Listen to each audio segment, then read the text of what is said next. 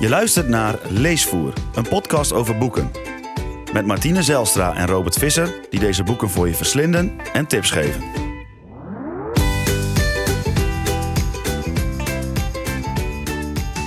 Welkom bij de 24e aflevering van Leesvoer. Met deze week Weetvoer, een samenwerkingsverband met Nemo Kennislink. En daarom bespreken we Vurige Liefde, het geheim rond het bloedig bruidje van Welberg van wetenschapper Peter-Jan Margrie. Wie ziek, zwak en misselijk is en de wanhoop nabij, omdat er geen of een kleine kans op genezing is, kan natuurlijk wanhopig de dokter aanklampen, want wie weet helpt het. Maar voor wie die medische handreiking niet genoeg is, bestaan er natuurlijk ook pelgrimsorden, zoals het, zoals het eh, Spaanse Santiago de Compostela en het Franse Lourdes. Naar Santiago loop je de blaren op de voet in de hoop op verlichting, en in Lourdes drink je heilig water of je was je ermee om te genezen. Maar wist je dat Nederland in de jaren 30 en 40 ook een eigen bedevaar- bedevaartsoord had? Toen reisde heel katholiek Nederland af naar het Brabantse Welberg om daar betoverd te worden door Janske Gorissen, oftewel het bruidje van Jezus. Zij bloedde uit stigmata en zag Maria, door haar ook wel moeder genoemd, en Jezus. Maar hoe komt het dat we nou wel van alles van Lourdes weten, maar vrijwel niets meer van Welberg? Ik denk dat daar een complot achter zit. Zoals dat, nee.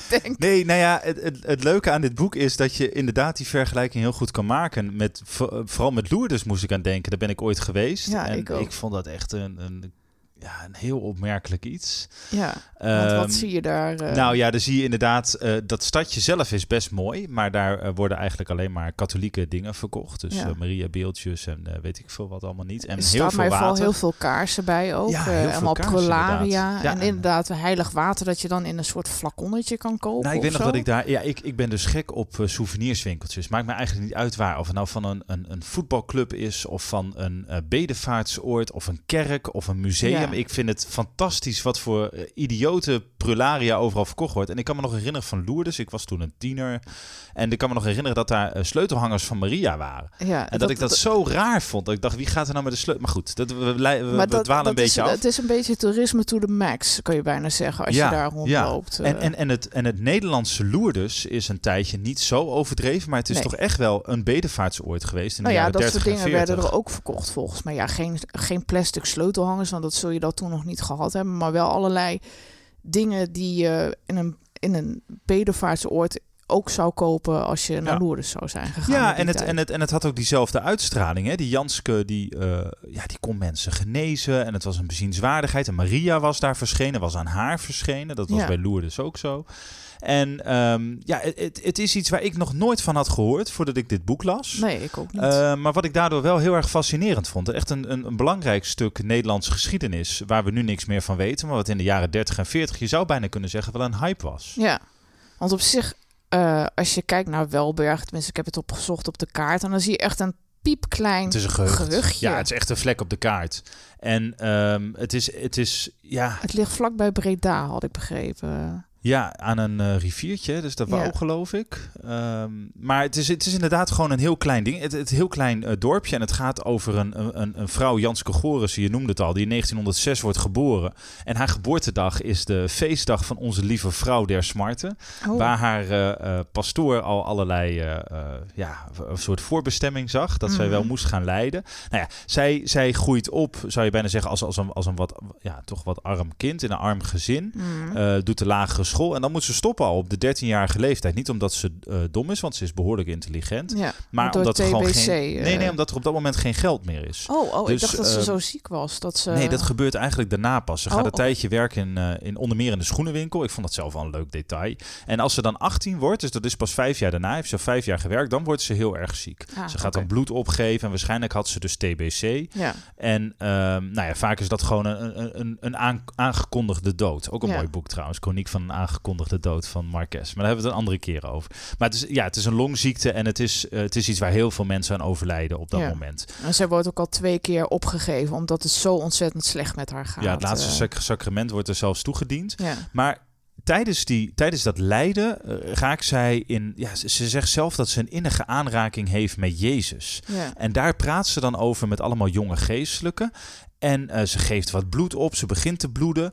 En dan is er in eh, 1929, dan is zij dus 23 jaar oud, dan doet een priester haar een voorstel om haar lijden in te zetten voor de heiliging van priesters. Ja. En dat is een cruciaal punt eigenlijk. Dat zegt eh Margie ook in het boek.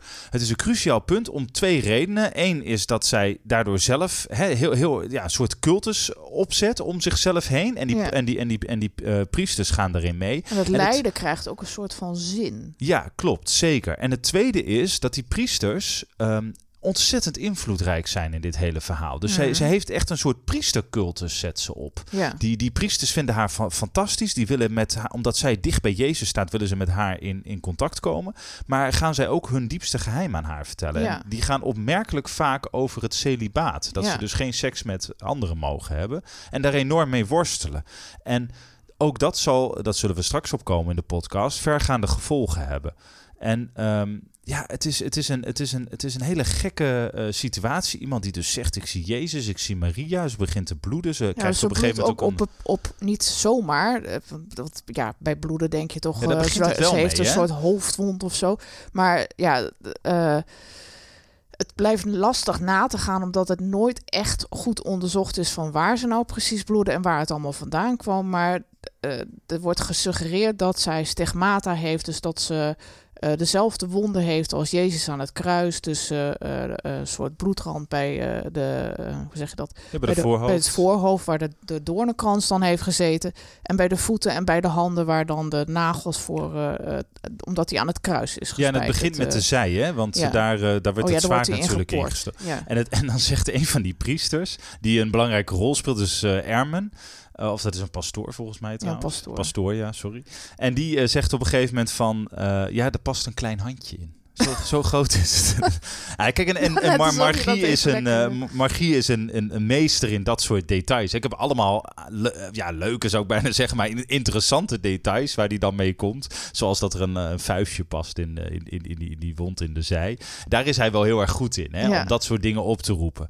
Eh, mooie details, mooie, mooie verhalen, interessante, interessante dingen. Ja, je, je kan niet nagaan of het waar of niet waar was. Ik neig er zelf naar, nu ik dit boek heb gelezen, dat het absoluut niet waar was. Nee. Terwijl dat ze bloed opgaf en zo, dat, dat, ze, dat ze ongetwijfeld zo zijn geweest. Het, het, het kan niet onderzocht worden. Dus. Nee. Maar goed, het past in die Maar het- mystieke trend van die tijd. Ik wou net zeggen, het gebeurt wel vaker natuurlijk. eh, eh, dat er eh, mystieke dingen gebeurden in die tijd. En dat het maar lastig na te gaan valt of zoiets nou echt gebeurd is. En En ik, dat ik is weet ook niet het of dat er echt toe doet. Nee, nee. Het meest interessante is, is dat het aanslaat eigenlijk. Hè. Het slaat Ja. eerst aan bij die priesters, die zij echt als volgelingen krijgt. Dan slaat het ook nog aan bij een, bij een bisschop, Petrus Hopmans. Mhm. En dan eh, ja, komen er steeds meer mensen bij haar langs die genezen willen worden. En daarmee wordt dat Welberg dus langzaamaan wordt een soort Lourdes. Ja, en het Helemaal is ook een als- soort eh, volkse manier van ehm, religie eh, bedrijven, vond ik. want ze noemen elkaar ook allemaal, wat is het, een beetje een soort koosnaamjes, dat ze alles verkleinen. Ja. Vaderke, moederke. dus zoals Maria noemen ze dan ook moederke. En dat, dat vind ik dan zo... en ze hebben ook speciale liturgieën en liedjes en zo. En dat, dat zijn allemaal een beetje kinderlijke liedjes.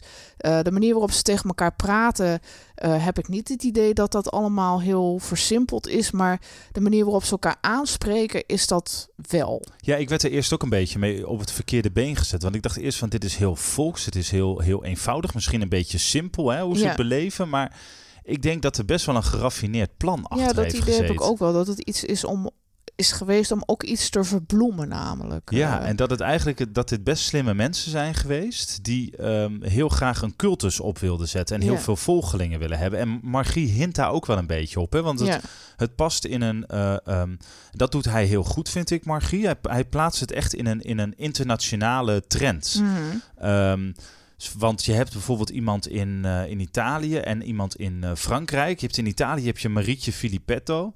En in, eh, volgens mij is dat Frankrijk, heb je Theresia van Lisieux. Mhm. Die ook soortgelijke geschiedenissen hebben. Ja. En, en eh, eh, ehm, Janske die ja, die kopieert dat dat eigenlijk. Ja, ze leest die boeken, dat weten we. Ja. En je hebt dan Theresia, Marietje en Janske. En Ja. Janske is dan eigenlijk de Nederlandse versie daarvan. En dat is, ja, het is bij, ik moest een beetje denken aan dat je bijna van die boybands hebt. En dat je dan, ja, weet ik veel, dat, Dat je dat gaat eh, kopiëren. ja, ja, Ja. dat je dan eh, denkt van, oh, oh, er moet ook nog in Nederland een, eh, een boyband komen.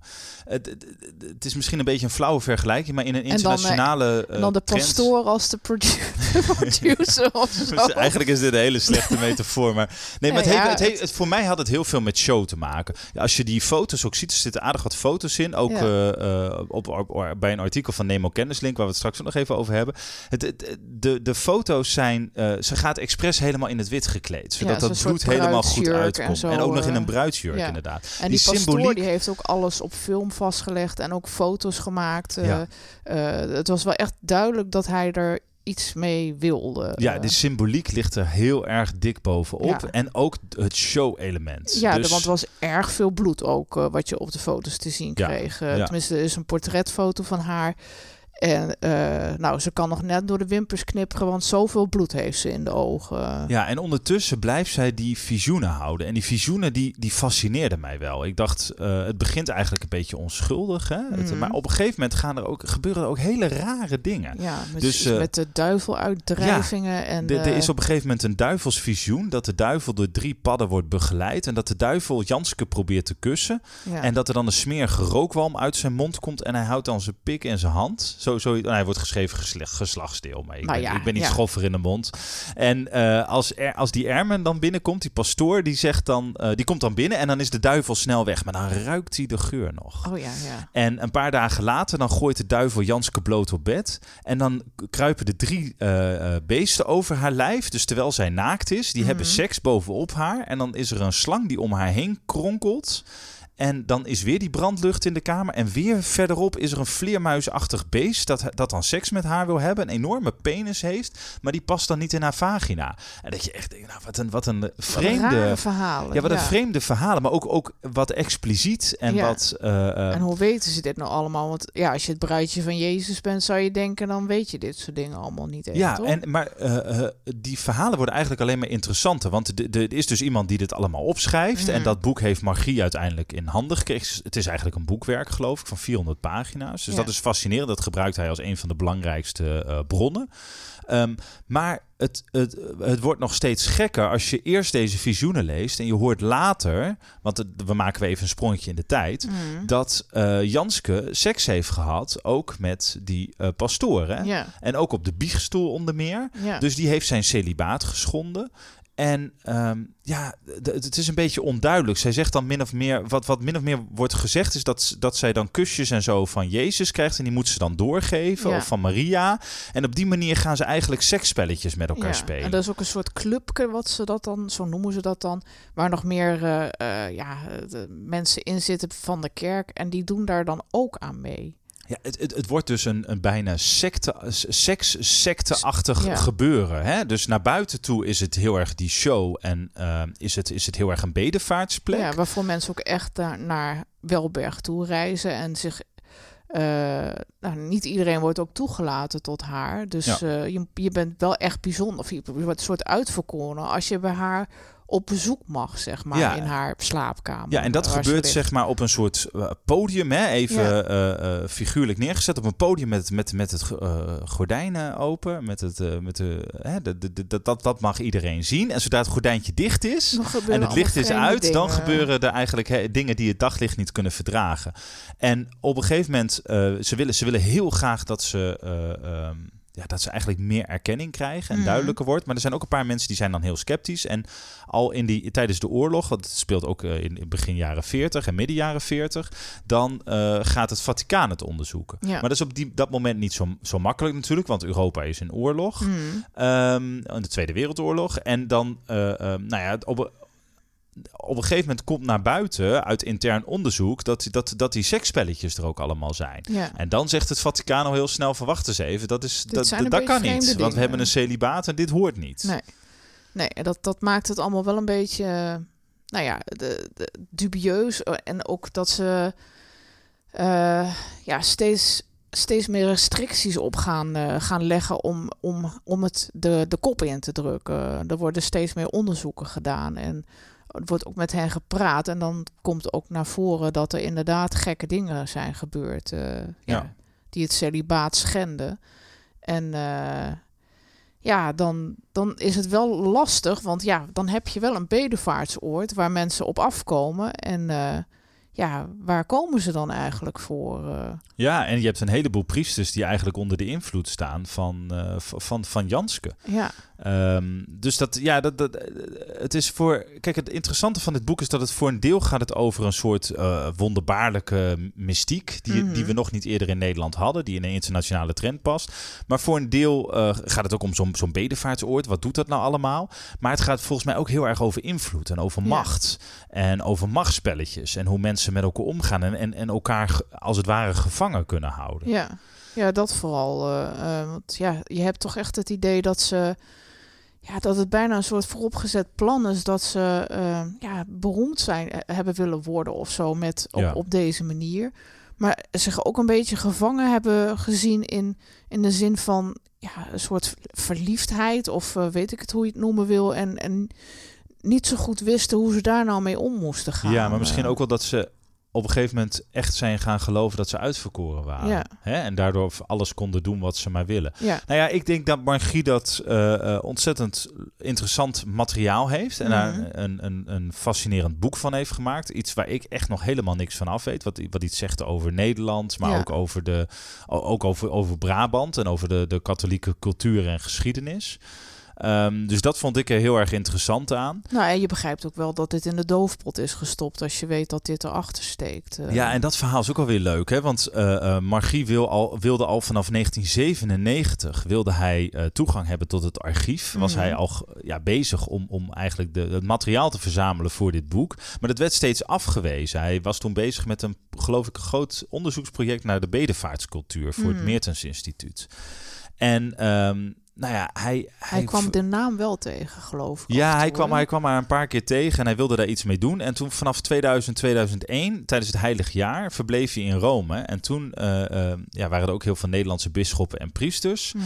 En daar is hij toen in contact met iemand gekomen. En zo is het balletje eigenlijk een beetje gaan Ja. rollen. En later heeft hij het archief dan echt helemaal gekregen. En Want dat, het was dat ook verhaal een gesloten archief. toch? Ja, absoluut. absoluut. En ook, ook eh, in, in hoe het Vaticaan daarnaar keek, was ook gesloten. Dat is op een Mhm. gegeven moment vervroegd opengegaan door eh, Paus Franciscus. Ja, die wilde wat meer openheid. eh. Ja, juist eigenlijk omdat het om de oorlogspaus ging. Dus dat had totaal niks met Jan, Janske Gorissen te maken. Dat had vooral te maken met eh, hè, dat het oorlogspaus Ja. was. Dat daar eigenlijk het En die heeft ervoor gezorgd dat het in de doofpot terecht kwam. En de nieuwe paus die zorgde ervoor dat, nou ja, dat, de, dat de doofpot weer open ging eigenlijk. Ja, en, en ook dat hele verhaal van ehm, Margie eh, als wetenschapper op zoek naar zijn materiaal en naar zijn bronnen. Daar heeft hij er ook doorheen verwezen. Vond Mhm. ik leuk om te lezen. Vond ik echt een eh, goede toevoeging. Ja, want hij was tijdens de coronacrisis eh, ook in het Vaticaan om daar Ja. ja, die geheime dingen te ontdekken. En ja.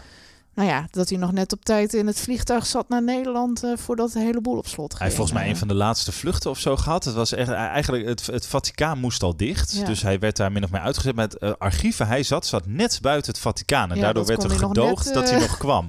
En de eerste dag na die eh, sluiting dan, waren er nog een paar mensen in het archief. en eh, de dag daarna zat, ja, alleen, hè? precies, zat Ja. hij er helemaal in zijn eentje. En, eh, en toen dacht hij op een gegeven moment van, nou, ik moet ook maar weg. Want het was allemaal geschreven in Latijn. Dus ja, Ja. dat moest hij ook nog eh, zien te lezen. Dat, eh, maar ja, ik, ik vond dat eh, heel interessant. Ook omdat je als, gewoon als niet-wetenschapper daar toch wel benieuwd naar bent. Hoe onderzoekt iemand dit toch? Waarom is, vindt iemand dit nou zo interessant? En daar kom je wel achter. Dat, Ja. dat is een hele goede toevoeging. Ja, ik vond alleen af en toe wel een klein beetje aan de langdradige kant. Ja, hoezo? Nou ja, sommige details. ehm, ja, weet niet. Er, komen heel veel verschillende namen in naar voren. En ik dacht bij sommige mensen: is dat nou echt heel erg boeiend dat, dat, er, dat ik dat nou lees? Dat houdt het een beetje op. eh, eh. Ja, het is wel af en toe wat aan de breedsprakerige kant, zeg maar. Ja, ik ben dat wel met je eens. Het is, het is soms gaat hij ook heel erg na met wie. Ik, ik, ik vond dat um, om een voorbeeldje te noemen. Op een gegeven moment heeft hij het over de clans in Welberg. Dat daar verschillende families zijn. En ja. dat die soms wel goed met elkaar overweg gaan en soms weer niet. En dan gaat het ook nog over een naburig dorp. Ik ben de naam even kwijt. Maar Ja, kan dat Schoonover zijn? Nee, ik weet het niet meer precies. Ik ben niet heel Maar- erg bekend. Nee, ik ben, ik ben er ook nog nooit geweest. Nou, wel in Brabant, maar niet in dat dorp. nee, maar dan heeft hij het over andere families en andere dorpen en hoe die dan weer met elkaar omgaan. En toen dacht ik van nou, dit is iets te veel informatie. Ik vind het goed dat je dat hebt uitgezocht. Maar uiteindelijk kwam er ook niet heel veel uit het onderzoek. En dan denk ik, ja, dan is het een beetje kill your darlings. Goed dat je het hebt uitgezocht. En jammer dat er niks uitkomt, maar dat is nou eenmaal soms zo. Ehm, en En dus ik- is ook lastig bij een onderwerp als dit, want een heleboel mensen die eh, de hoofdpersonen zijn in dit verhaal hebben gewoon hun eigen archieven tot de laatste snipper verbrand. ja, Dus eh, zeker, zeker. je, ja, eh, je kunt ook niet alles weten, denk ik. Nee, en het verhaal zelf is spannend genoeg. Ja. En, en interessant genoeg ook. Dus eh, voor, ja, ik ben het wel met je eens. Dat af en toe maakt hij, gaat hij een zijpad in. Ehm, wat van mij ook niet zo had gehoeven. Maar Nee. het is ook niet, ja, het is 300 pagina's het boek. eh, en, een- en een heleboel noten nog daarna. Maar echt 300 pagina's tekst. Ja, En eh, dat is interessant om te lezen. Dat vind ik wel Zeker. een aanrader. ja, Je moet, moet je wel een beetje liggen, denk ik, het onderwerp. Dus als je. ja. Nou, als je van Lourdes houdt, dan... eh, Ja. Nou ja, dat weet ik niet trouwens of het, je, of het je moet liggen. Ik, ik geloof dat jij echt niet graag boeken over religie leest. nee, nee, zo, maar ik dus- vond het ergens wel fascinerend, omdat het gewoon... Ja, het is gewoon echt een apart verhaal om te lezen. Ja, je zou het bijna meer als een soort cultuurgeschiedenis Ja. kunnen zien. Hè? Wat, eh, eh, meer ook die, die secten en, en, en dat ik soort vind niet dat je gelovig moet zijn of katholiek of wat dan ook om, om dit boek te kunnen lezen. Het is Nee. gewoon echt interessant voor het verhaal. eh, eh. Ja, en ik moest toch wel. We begonnen met Lourdes en ik moest ook wel denken aan wat dingen. Mijn, ik, ik kom dan. Mijn, ik ben atheïstisch opgevoed. Mijn ouders geloofden niet. Mijn moeder komt uit een katholiek gezin. En ik weet nog wel dat daar op een gegeven moment eh, geld werd ingezameld voor ooms en tantes van mijn moeder, dus mijn oud-ooms en tantes. Mhm. Omdat er dan weer iemand ziek was. En die werd dan standaard met een busreis naar Lourdes eh, gestuurd. Ja, en natuurlijk is er dan altijd iemand, niet bij mij in de familie, maar is er altijd iemand die daar weer, eh geneest. Hè? Want ja, ja, dat. Is, dat zijn gewoon cijfers. En Geloof doet wel degelijk wat met je, net zoals het placebo-effect ook. Ehm, maar ik weet nogal dat dat echt een gedoe was. Dat mijn ouders daar dan ook werd gevraagd of ze een bijdrage wilden leveren. Mijn vader werd daar heel boos van. Die vond het helemaal niks. Maar mijn moeder geloofde dat toch stiekem wel een beetje. Dit- Volgens mij heeft mijn moeder ook van het water gekocht en zo. Mijn vader, dat was wel mooi, die wilde gewoon Lourdes niet binnen. Die heeft er gewoon buiten gestaan.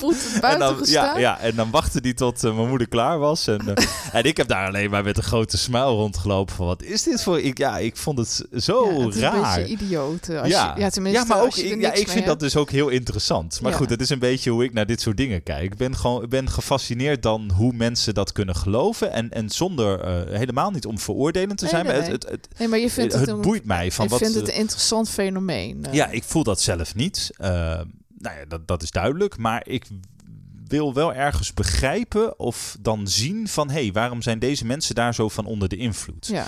Nou ja, Ehm, dat is ook heel duidelijk in dit verhaal. eh. Precies, Ja. ja. en het, is ook een het heeft een bepaalde tragiek, omdat zij natuurlijk, eh, als dit allemaal uitkomt, eh, ja, je kunt wel nagaan dat alles dan op zijn gat komt te liggen. Ja, het is En, geen happy end, hè? Nee, nee, absoluut niet. Nee, en ik denk dat Margie daar, daar wel een goede gids is in die, in die opmerkelijke wereld. Ja. En, sowieso, ik, ik heb hem een paar keer geïnterviewd. En het is een hele, eh, ja, het is echt wel een begenadigd verteller. Het is wel een beetje wat ook in dit boek zit. Soms dwaalt hij een beetje af. Dus dan, eh, het, is, het is wat je soms met eh, historici hebt. dat hij begint bij het een en dan helemaal zelf- uitkomt bij het andere. Was je er zelf ook niet heen? Ja, nou ja, precies. Ik moet er zelf ook een beetje... Hij is trouwens hoogleraar... hij, is, ja, hij is wel historicus en etnoloog. Ik wil net zeggen, hij is hoogleraar etnologie. Maar het, het, het is een... het, nee, maar het is echt een fascinerende man, hoor. Het is echt een hele goede verteller. En ik heb hem voor Trouw een paar keer geïnterviewd... en ook voor Nemo Kennislink. Hij... ehm, hij heeft, ook, ja, hij heeft ook echt wel een, mooie overziende blik of zo. Dat vind ik dat je dat in dit boek ook ziet. Ja, hij verbindt echt wel dingen aan elkaar. en hij, ook in hij vertelt wel trends. prettig, vind ik. Ja, eh. Ja, ja, zeker. Het zitten mooie voorbeelden en je, je kunt je echt, eh, er echt iets bij voorstellen. Ja. Wat, eh, wat zou je nou aanraden om nog verder te lezen? Nou, nu staat er een mooi interview met Margie op, op Nemo Kennislink. Ehm, dat is afgenomen door mijn collega Mathilde Jansen, of Waar onze collega. Eh, dat gaat over dit boek. Dus Oh, eigenlijk meer over de totstandkoming. Daar hebben we niet heel erg veel over gezegd. Eh, en, en bewust, want dan kun je dat artikel eigenlijk goed lezen. Dan Mhm. vult het mooi aan. Ehm, dus dat, eh, dat, dat is zeker een aanrader. Ja, verder moest ik aan... eh, ja, moest ik aan een aantal boeken denken. Maar ik zal er één uitleggen. Ik heb een uh, boek gelezen over de enige Nederlandse paus uh, die er is geweest. Want uh, ja, die was ooit. Die heb ik deze zomer gelezen. En dat was een, ja, ik vond dat zelf echt een ontzettend goed boek. Dat was tijdens de Renaissance. En, um, maar jij hebt echt iets met pauze. Ja, ik, ja ik, ik, ik, ik, ik schaam me er niet voor. Ik heb echt iets met pauze. Ik vind pauze ontzettend interessant. Waarom? Um, omdat ik het een. Uh, uh, ja, ik weet je, het, er is dus op een gegeven moment is door iemand verzonnen um, dat de paus de, de vertegenwoordiger van God was of de navolger van Jezus. Uh -huh. En dat zijn mensen ook, ja, dat zijn mensen ook gaan geloven. En die, en die pauzen die hebben door de eeuwen heen oorlogen gevoerd. Die hebben de meest krankzinnige feesten gegeven. Uh, die hebben Rome bijna helemaal kapot gemaakt. En toch lopen daar nog hordes mensen achterna. Dan ja. moet je dus iets hebben. Dan moet je dus een instituut wat, wat, wat uh, geld echt van de armen heeft gestolen en zelf zo heeft verkwist. Mm. En dan nog steeds bestaat. Ja. En nog hordes mensen achter zich aan heeft lopen. Daar kun je heel zuur over doen. serieus neemt. Ja, ja. En, daar kun je heel, en, en, en dan mannen in jurken en allemaal gekke kleren aandoen en zo. En dat mm. is dan allemaal heel mooi en daar vergaap je aan. Kijk, daar kun je heel zuur over doen. Want het, dat, dat heeft iets heel gemeens en iets raars. En dat zit er ook in hoor. Mm. Dat, dat ontken ik niet. Maar het heeft ook iets fascinerends dat mensen daar toch in zijn blijven geloven en in Ja. meelopen. Ehm, ja, dat vind, ik, eh, dat vind ik zoiets wonderbaarlijks. Dus de- de- de- er zijn verhalen van pauzen die tijdens de renaissance eh, eh, ja, kinderen hebben verwekt. Er, zijn, er zijn echt hele interessante. Snoepjesfeesten. Ja, er zijn snoepjesfeesten bij snoepjes tussen de borsten van vrouwen werden, werden weggezogen met de lippen. En, en dit zeg ik niet om, om de paus belachelijk te maken. Dit, dit zijn gewoon betrouwbare ja, historische bronnen die, de, die, die, die daarover gaan. Maar wat blijft is dat dat instituut van de paus, Ja. eh, ook, al, ook al zijn er op een gegeven moment meerdere pauzen geweest, zelfs in verschillende landen. Hè, weet je, je hebt pauze gehad in Frankrijk en in Italië tegelijkertijd.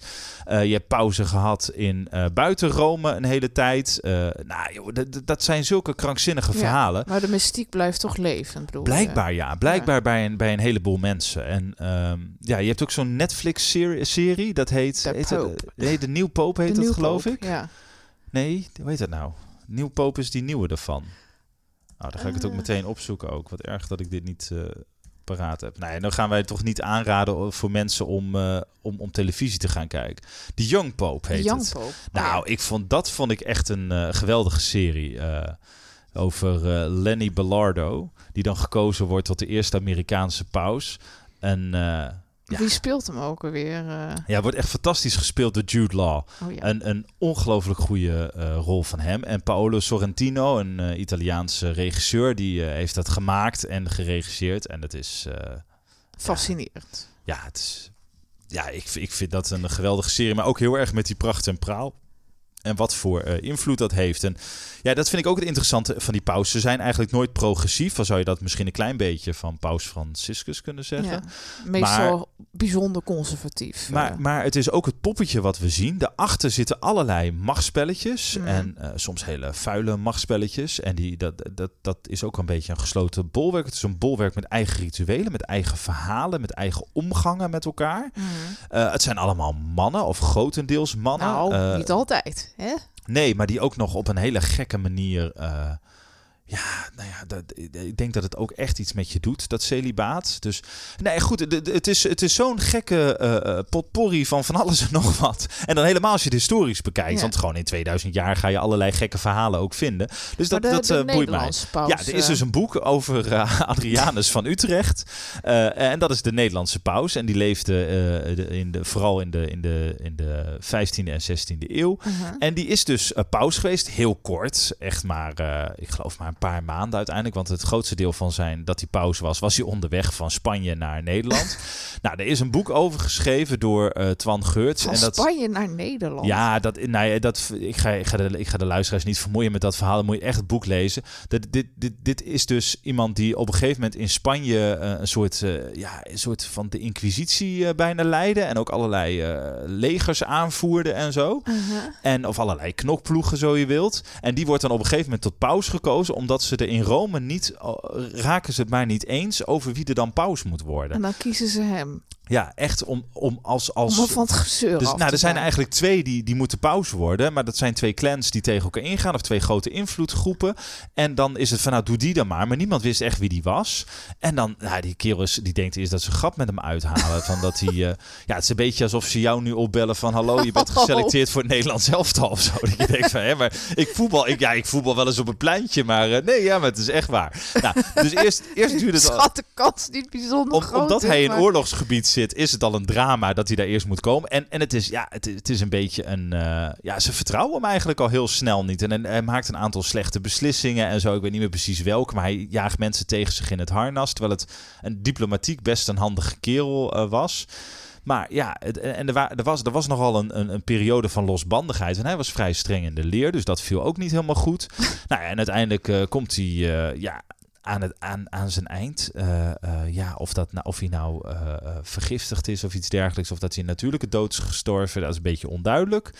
Eh, maar hij wordt niet eh, gewaardeerd. Het, wat ik een van de meest interessante dingen is, je hebt in, in, in, in Rome heb je het sprekend eh, beeld, Pasquino. Mhm. Dat is dus een, gewoon een beeld, maar daar worden allerlei papiertjes bij gehangen met spitsvondigheden. Nou, daar werd hij echt helemaal kapot gemaakt, zeg maar. Dat is een beetje Twitter van le letteren. Dus allerlei spitsvondige geintjes en zo werden Over hem, hem, gedaan. Ja. Maar ja, je, je kent dat wel, dat er op een gegeven moment zulke venijnige grapjes over iemand worden gemaakt, dat niemand hem meer serieus neemt. Een beetje wat, eh, wat, Joep van het Hek met Buckler eh. heeft gedaan. Eh, ja, nou ja, Ah, Paus Adrianus was de, was de buckler van de 16e eeuw. Ik, ik, ja, lo- low culture, high culture, ik koppel het allemaal aan elkaar. Nee, maar ik bedoel, daar kun je het een beetje mee vergelijken. Hij wordt gewoon zo geridiculiseerd. dan. Ja, dat niemand hem meer serieus neemt. nee, nee. Nee, En, ja, eh, dat wat, had je ook alweer vroeger? niet. Vroeger had je toch kopspijkers en toen had je zo'n minister van Defensie. Oh ja, die, eh, hoe heet die ook alweer? Met- Ja, die, die- steeds eh, aan zo'n rietje zat. Ja, die altijd in zo'n heel klein stoeltje zat en dan zo'n rietje uit het... Eh, nee, nee, dat was niet Melkert. Nee, Nee, ja, dat was een VVD'er. Oh god, ja. Met zo'n brilletje en zo'n Ja. zwart haar. Ja, precies die, ja. Nou, ik kom er ook weet niet meer op. weer. Ik weet ook niet of het erg is of je op een gegeven moment naam van vrij nietzeggende politici het- gaat vergeten. Hij werd echt neergezet als een compleet lulletje. Ja, zo kun je het een beetje voorstellen met Adrianus. Niet zozeer dat hij een lulletje was, maar meer dat hij daar... eh, Ritsen, toch? nee, ook, Ook niet. niet. Jo Ritsen is... Je, je noemt ook echt mensen van een hele andere partij, hè? Dit, Ja, dat is ook zo. Ritsen en Melkert Nee, maar waren... het heeft dezelfde be- imago een beetje van de lulligheid. Oh ja, dat is, ik snap waar je heen wil, inderdaad. Nou ja, goed. Ehm, het- we, zitten, we zijn echt wel met mooie, mooie zijpaadjes Ja. bezig. Eh, maar goed, ehm, hoe dan ook, dat boek, De Nederlandse Paus van Twan Geurts, is dus echt een aanrader. Wat heb ik dat met veel plezier gelezen. Het is hier en daar misschien een klein beetje droog. En ook hij verliest zich een beetje in die Spaanse jaren, maar... ehm, ja, misschien hoort het ook wel een beetje bij geschiedenisboeken. Ja. Hè? Dat, je, dat je iets meer informatie geeft dan, eh, dan hoort. En het andere waar ik aan moest denken, en dat is, dat, dat is, dit is echt voor de, voor de liefhebbers. Luister je nou naar en denk je van, goh, ik zou wat meer van die mystiek willen weten. Dan zou ik eh, een boek van Meister Eckhart aanraden. Ehm Meister Eckhart was een, eh, was een Duitse mysticus uit de middeleeuwen, maar echt meer, meer een in- intellectueel zou je kunnen zeggen. En heeft heel interessant, ja, hij heeft hele interessante teksten geschreven. Dat zijn eh, preken van hem. Eh, en die, heten, die zijn samengevoegd in Over God wil ik zwijgen. En dit is echt wel next level als je zegt van... oh, ik ben echt gek op katholieke traktaten en, eh, en preken. En, nee, ja, ik vond het fascinerend om te lezen, omdat het van zo lang geleden is. En het is werkelijk waar. Het is zo ontzettend mooi vertaald door C.O. Jellema. En C.O. Jellema was een Groningse, eh, Dichter. Een Groningse dichter, maar Ja. ook een eh, Germanist. Oh ja, dat is Die heel lang bij de Rijksuniversiteit Groningen heeft gewerkt. En ehm I- I- C.O. Jellema is overleden in 2003. Maar was en is mijn eh, lievelingsdichter. Ik vind dat hij ongelooflijk mooie di- gedichten schrijft. En hij heeft dit boek dus ook. De enige reden dat ik Meister Eckhart ben gaan lezen is omdat C.O. Jellema hem heeft, had vertaald. En eh, ik vond het heel interessant. Ehm, maar we hebben te Maar maken met een een boek. toegankelijk Nee, het is echt dan? niet toegankelijk. Nee, het is echt helemaal niet toegankelijk. Nee, Nee. als je, nee je moet, dit, dit is echt voor, de, voor, de, voor, voor een beetje Voor de de gekkies die luisteren. Ja, Voor de zon. ja, nou ja, die- kijk, het is gewoon een 13e eeuwse tekst. En het is, eh, ja, eh, soms, ik, ik lees dan ook pagina's dat ik denk, waar gaat het over? En dan, eh, Maar kijk, wat ik, vind je er dan mooi aan? Nou, omdat het heel erg over. eh, hij probeert eh, eigenlijk intellectueel te duiden hoe je dan een mystiek gevoel krijgt. Dus er zitten heel veel paradoxen in, bijvoorbeeld. Hè? Dat, Dat, ben je, je wel gek het gaat eh. heel erg. Ja, ja, ik Tenminste, altijd. Als wij in een museum staan dan, eh, en je ziet een tekstje en je ziet een paradox, dan begin je ongeveer de stam uit je oren. te Ja, ik vind komen. paradoxen altijd een, eh, een vorm van gemakzucht, inderdaad. Maar in dit boek zitten ze heel erg. Het gaat heel erg over verlangen, maar ook over van hoe blijf je nou bescheiden? Wat, wat, wat, wat doet hartstocht met je? Over gevoel. Het is. Ja, het laat zich ook helemaal niet samenvatten, joh. Maar we, doen nu heel, we, besteden nu heel veel tijd aan een boek wat denk ik niemand gaat lezen. en wat eigenlijk gewoon zo moeilijk is dat ik het zelf ook maar met heel veel Ja. moeite... Niet, niet dat ik dat beter kan dan de lezers of zo, maar ik heb het echt met, met veel moeite kunnen lezen uiteindelijk. Neem niet weg dat ik het wel heel fascinerend vond. en ik denk dus niet van, oh, van ik ga maar even van, van iemand anders uit de 14e eeuw of zo, of uit de 13e eeuw ga ik een, eh, een of andere preek lezen. lezen. Nee, Nee. nee. Dus, eh, ehm, nou ja, goed. Mocht je echt denken van, ik, ik ben, ben gegrepen door dit onderwerp. En eh, dat vond ik dan, dan wel echt eh, mooi. eh, ja, en wat intellectueler, wat, ja, wat diepzinniger. Maar ook weer dat het mij af en toe helemaal, dat ik het helemaal kwijt ben. Oké, Goed, dat, ik, ik zou het zeggen, laten we daar maar bij laten. ja, het lijkt Ehm, me heel verstandig. De komende weken zijn we er hopelijk weer wat vaker. Ehm, en, een, en een, eigenlijk hebben we een heel mooi boek gelezen, hè, wat we heel snel willen gaan bespreken. ja, eh Jaguarman van eh Raoul, hoe heet ik weer van de achternaam? Ja, we nemen dit veel te laat op, man. Dat is het eh, niet. Jaguar, man. Eh, van Raoul de Jong. Raoul de Jong. Nou- Ja, een hele ingewikkelde achternaam was het. Ja, precies. Ja, daar, hè? kom- daar, daar verzin je niet, hè? Daar kom je niet op. We gaan dit ook niet knippen. Eh, wij zijn het af en toe ook wel een beetje kwijt. Als we, als je, hoe moet je springen van Meister Eckhart weer ja, naar, ja, naar nu? Is, inderdaad Maar ingewikkeld. Jaguarman, ehm ehm, om niet te veel weg te geven, maar het, een van de meest interessante nieuwe boeken die is verschenen het afgelopen jaar. Ja, Eh, van, van Raoul de Jong, dus waar ik nog nooit eerder wat van had gelezen. Wel eerder nee, van had hij gehoord. schrijft maar- wel stukjes in NRC, die kende ik wel. Ja, ik ook. Eh, maar zijn boeken had ik nog niet gelezen. Het gaat over eigenlijk zijn ontmoeting met zijn Surinaamse vader. En dat hij ook naar Suriname gaat. En zijn, eh, eh, ja, hoe, hij, hoe hij eigenlijk dat land probeert te verkennen. En ook Ja. van alles over zichzelf en, en, en zijn familie leert kennen. Ja. Poeh, ik vond het, ik vond het Nou ja, en het reikt mooi ook en, verder dan dat. En dat zeker. maakt het erg interessant. En hoe dat dan zit, Dat hoor je de volgende keer. fijne avond. Tot dan. Dag.